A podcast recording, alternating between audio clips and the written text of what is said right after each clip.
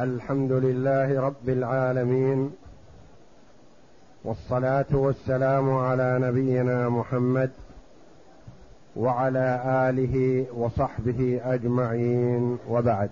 بسم الله. بسم الله الرحمن الرحيم والصلاة والسلام على أشرف الأنبياء والمرسلين نبينا محمد وعلى آله وصحبه أجمعين. قال المؤلف رحمه الله تعالى فصل وإن وقف على قرابته أو قرابة فلان فهو لولده وولد أبيه وجده وجد أبيه الذكر والأنثى. قول المؤلف رحمه الله تعالى فصل فيما إذا وقف على قرابته. من يشمل؟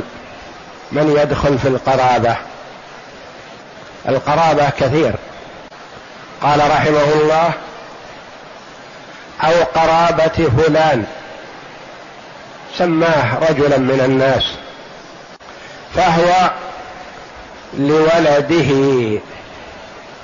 يعني ولد فلان أو ولده هو. وولد أبيه. وهم إخوانه إذا كان هو الموقف. وأخواته. وجده الذين هم أعمامه إخوان أبيه. وجد أبيه أعمام أبيه. فيشمل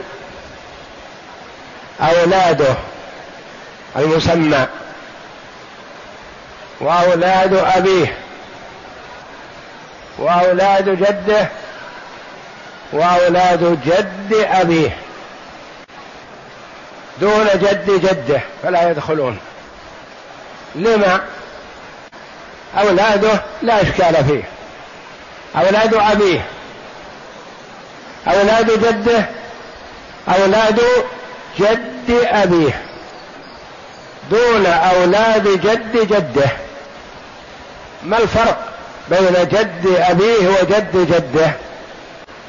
نعم. لأن الله جل وعلا جعل خمس الخمس لذوي القربى وهم قرب النبي صلى الله عليه وسلم. من دخل فيهم دخل فيهم أولاد هاشم الذي هو جد أبي النبي صلى الله عليه وسلم. فهو عليه الصلاة والسلام محمد ابن عبد الله ابن عبد المطلب ابن هاشم. أولاده وأولاد أبيه وأولاد جده وأولاد جد أبيه الذي هو هاشم. ولم يدخل غيرهم من قريش إلا بني المطلب لا من أجل قرابتهم لأنهم هم وغيرهم وبني عبد شمس وبني نوفل كثير متساوين في الدرجة. لكن لكون بني المطلب لم يفارقون بني هاشم في جاهلية ولا إسلام. دخلوا معهم في الشعب لما حصر وقوطع بنو هاشم قالوا عبد المطلب نحن معهم. بنو المطلب.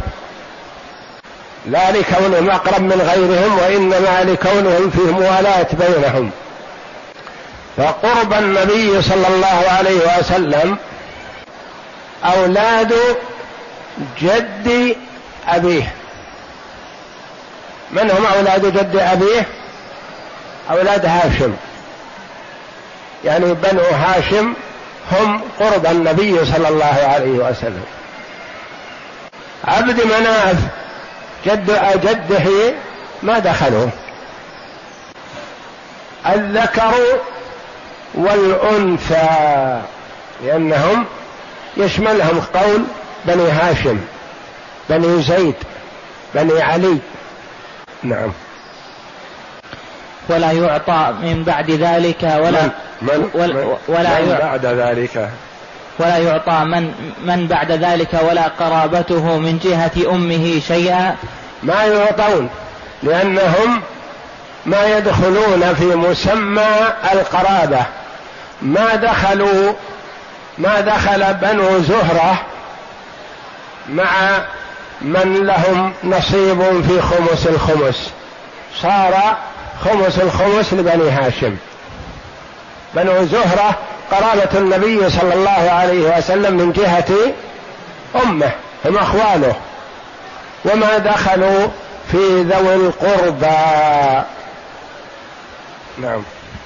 لأن الله سبحانه وتعالى جعل خمس الخمس لذوي قرب النبي صلى الله عليه وسلم فأعطى النبي صلى الله عليه وسلم قرابته إلى بني هاشم لم يتجاوزهم. لم يتجاوزهم لم يعط بني عبد مناف ولا بني شمس عبد شمس ولا بني نوفل إنما اقتصر على بني هاشم إلى حد جد أبيه. محمد صلى الله عليه وسلم ابن عبد الله ابن عبد المطلب ابن هاشم. فهاشم جد أبيه جد عبد الله. أعطى بني هاشم ولم يعطي من عداهم. فهؤلاء القرابة. نعم. ولم يعطي بني زهرة شيئا. ولم يعطي بني زهرة الذين هم قرابة النبي صلى الله عليه وسلم من جهة أمه. لأن أمه من بني زهرة. نعم. ويحتمل أن يعطى كل, كل من عرف بقرابته من الجهتين. ويحتمل يعني الأصل أنه ما يدخلون لكن في احتمال أن يعطى كل من عرف بقرابته من الجهتين. ما المراد بالجهتين جهة أبيه وجهة أمه. نعم.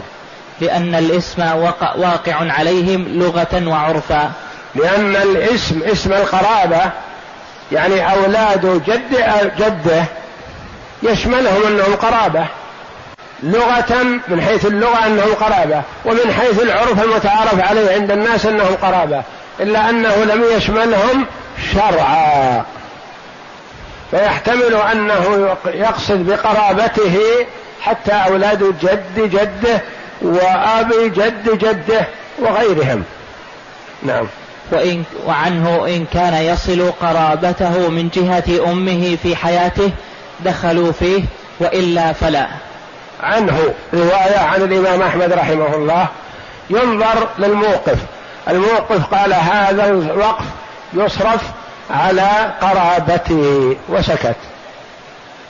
جاءوا إليك وأنت في المحكمة يريدون منك أن تميز القرابة. فقلت القرابة إذا قسنا على قرابة النبي صلى الله عليه وسلم أخذنا إلى حد بني هاشم. جد أبيه. جاءك أخواله. قالوا نحن أولى به من البعيدين. نحن أخواله. إخوان أمه. وهو يألفنا ونألفه وكأنه واحد منا. فأعطنا نصيبنا. فتستفسر تسأل. تقول في أيام حياته هل هو على صلة مع أخواله ببرهم يرسل إليهم ويهدي إليهم ويعطيهم؟ قالوا لك لا ما كان صلته بقرابته من جهة أبيه. أما أخواله فما كان على علاقة بهم من بعيد. قلت إذا لا يشملهم جاءك آخرون. قالوا ميله وجلوسه وإكرامه وهداياه أكثرها لأخواله هو لأخواله يميل أكثر من أعمامه. قلت إذا يشملهم. أتاك الأولون. قالوا منعتنا وأعطيت من بعدنا. قلت بناء على سؤالي لكم وسؤالي لهم.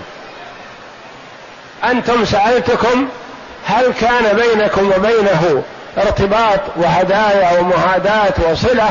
قلتم لا. ما بيننا شيء. وأولئك قالوا بيننا. فأدخلت من كان بينه وبينه مهاداة وصلة وحرمت من لم يكن بينه وبينهم مهاداة ولا صلة. وعنه. وعنه إن كان يصل قرابته من جهة أمه في حياته دخلوا فيه وإلا فلا. نعم. لأن صلته لهم في حياته تدل على إرادتهم بصلته هذه. لأن هذه قرينة كونه يعني يهدي لأخواله ولقرابته من جهة أمه ويكرمهم ويعطيهم ويواسيهم قلنا هذه قرينة على أنه أراد أن قرابته حتى من جهة أمه. ما كان يريد قطيعتهم. فهذه قرينة.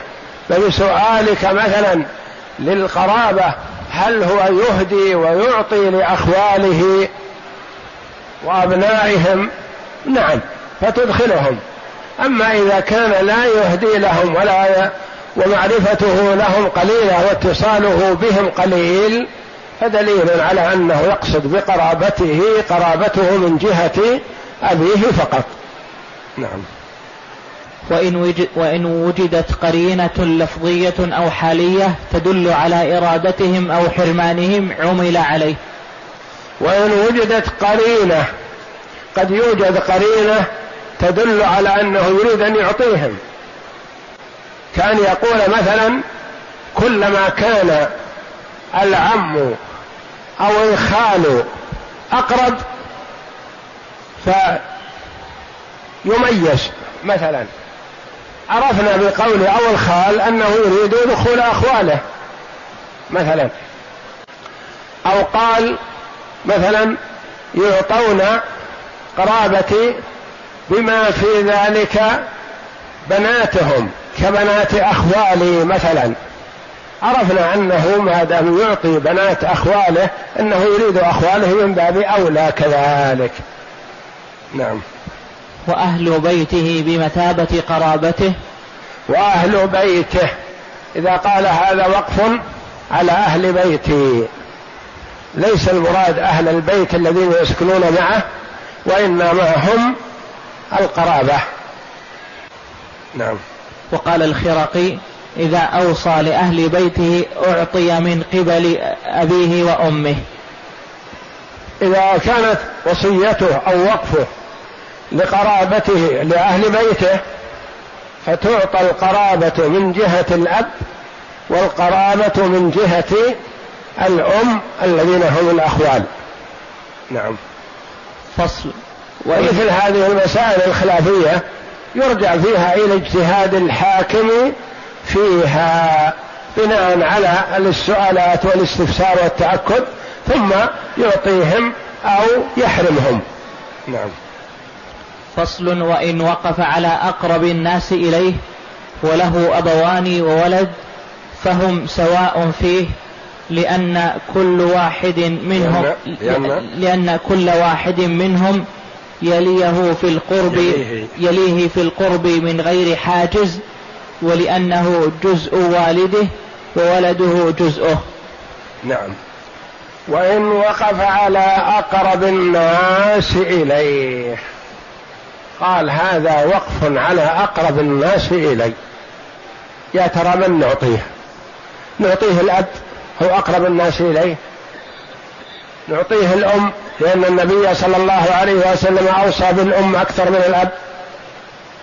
نعطيه الولد لأنها تجب نفقته وتجب ملاحظته وهو بضعة منه.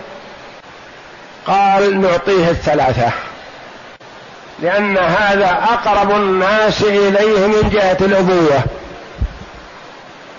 وهذه أقرب الناس إليه من جهة الأمومة. وهذا أقرب الناس إليه من جهة الولد. وإذا قال الولد فيشمل الذكر والأنثى واحد أو متعدد. مثلا قال هذا لأقرب الناس إلي. يقول والده أمه أولاده كم؟ قال أولاده البنين عشرة والبنات خمس. خمسة عشر. نقول هذا للخمسة عشر مع الأب والأم. قالوا أولاد بنيه؟ قلنا لا. أولاد بناته؟ لا ما يدخلون. لأنه وجد أقرب فما ننتقل إلى من بعدهم. الجد ما يدخل لأن أقرب الناس إليه من جهة الأبوة أب الجدة أم الأم ما تدخل. قالوا الموجود لا أبوه ولا أمه وإنما جده وجدته وأولاده. نقول نعطى لأولاده لأنهم أقرب الناس إليه بدون فاصل. ولا يعطى الجد والجدة شيء. قالوا لا يوجد لا أبوه ولا أمه ولا أولاده وإنما يوجد جده وجدته وأولاد أولاده. قلنا يسوون لأنهم على درجة واحدة أولاد الأولاد بينهم وبينه الولد الجدة بينه وبينها الأم الجد بينه وبينه الأب فهم على درجة سواء. وإن وقف. وإن وقف على أقرب الناس إليه وله أبوان وولد فهم فيه سواء لأن كل واحد منهم يليه في القرب من غير حاجز ولأنه جزء والده ولأنه جزء من والده. هو هو نفس الموقف جزء من والده وأولاده جزء منه فهم متساوون آباؤكم وأبناؤكم لا تدرون أيهم أقرب لكم نفعا. نعم. وولده جزءه ويحتمل تقديم الابن لتقديمه في التعصيب. ويحتمل احتمال آخر. يقدم الابن على الأب والأم. لما يرحمكم الله؟ قالوا لأن الابن مقدم على الوالد والوالدة في التعصيب. الوالد معصب لكن إذا وجد الولد زال تعصيبه صار صاحب فرد. نعم. وإن عدم بعضهم فهو للباقين. عدم بعضهم مثل ما مثلنا الأب والأم غير موجودين وإنما موجود الأولاد لكل الأولاد. ما له أولاد وإنما له أب وأم. يكون للأب والأم. وأولاد البنون لا يدخلون مع الأب والأم. لأن بينهم وبينه فاصل بين الأب والأب مباشر. وجد الأب والجدة الأم غير موجودة. يعطى الأب فقط ولا تعطى الجدة لأن الجدة بينها وبينه فاصل وهو الأم. نعم. وإن عدم بعضهم فهو للباقين ويقدم كل واحد من هؤلاء على من سواهم. لأن من سواهم يدلي بواسطة. يعني كل واحد من كان مثلا الجدة وأم الجدة ما تعطيان مع الأم. الجد وأبو الجد لا يعطون مع الأب لأنه أقرب منهم. نعم. وإن عدموا فهو لولد الإبن والجد والجد والجد أبي الأب والأقرب الأقرب منهم فالأقرب. وإن عدموا فهو لولد الإبن. ولد الإبن يشمل الذكر والأنثى من أولاد البنين. والجد أب الأب لأن الجد كثير. الجد أبو الأب. وجد الأب يسمى جد. وأبو الأم يسمى جد. وأبو وأبو أبي الأم يسمى جد. وإنما يكون للجد أب الأب خاصة. نعم. فإن عدموا فهو للإخوة لأنه لا لا قبل. وإن عدموا فهو لولد الإبن. وإن عدموا فهو لولد الإبن والجد أبي الأب الأقرب منهم فالأقرب. نعم. فإن عدموا الجدي ترى والجدي لأنه معطوف على فإن عدموا فهو فهو لولد الإبن والجد. فهو لولد الابن والجد أبي الأب الأقرب منهم فالأقرب. فإن عدموا فهو للإخوة لأنهم ولد الأب. إن عدموا هؤلاء ينتقل إلى أولاد الأب الذين هم الإخوة. نعم. ويقدم الأخ من الأبوين ويسوى بين الأخ يقدم الأخ من الأبوين لأنه أقوى. وإن كانوا في النسب واحد لكن الأخ من الأبوين يدلي بالأب والأم والأخ من الأب يدلي بالأب فقط فمن كان أقوى فهو أولى. نعم. ويسوى بين الأخ من الأب والأخ من الأم وكذا. من جهة القرابة لأن هذا ليس من وجه تعصيب. أخ من جهة الأب وأخ من جهة الأم. يسوى بينهم لأن هذا أدلى بالأب وهذا أدلى بالأم. والأب والأم هم أقرب الناس إليه. نعم. وكذلك الأخوات.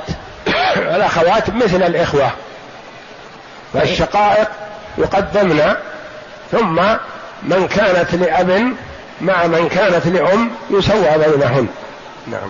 فإن عدموا صرف إلى بنيهم على ترتيب آبائهم يسوى بين الأخ والجد فإن عدموا صرف إلى بنيهم. يعني بني الأخ أقرب من بني العم. ابن الأخ الشقيق أقرب من ابن الأخ لأب. وهكذا. على حسب ترتيبهم ترتيب آبائهم. نعم. ويسوى. ويسوى بين الأخ والجد لاستوائهما في الميراث. ويسوى بين الجد والأخ. لأن الجد يدلي بالأب والأخ يدلي بالأب كذلك. هذا أبو الأب وهذا ابن الأب. ولهذا سوى جمهور العلماء رحمهم الله بين الجد والأخ في الميراث على ما هو مفصل في باب جد في باب ميراث الجد والإخوة. نعم. ولأن الجد أبو الأب والأخ ولد الأب ويحتمل تقديم الجد لأن له ولادة وهو أقوى في الميراث. ويحتمل تقديم الجد على الأخ. لما أليسوا متساوين في الميراث؟ قال لا ما هم متساوين. أولا أن كثير من العلماء قالوا إن الجد يسقط الأخوة. وعند من يقولون لا يسقط الأخوة يقولون الجد إذا لم يوجد أب فلا يسقط. بخلاف الإخوة فإنهم يسقطون. نعم. وقيل يقدم الأخ لأنه ابن الأب فيكون أقوى من أبيه وقيل يقدم الأخ على الجد. لما؟ يرحمكم الله.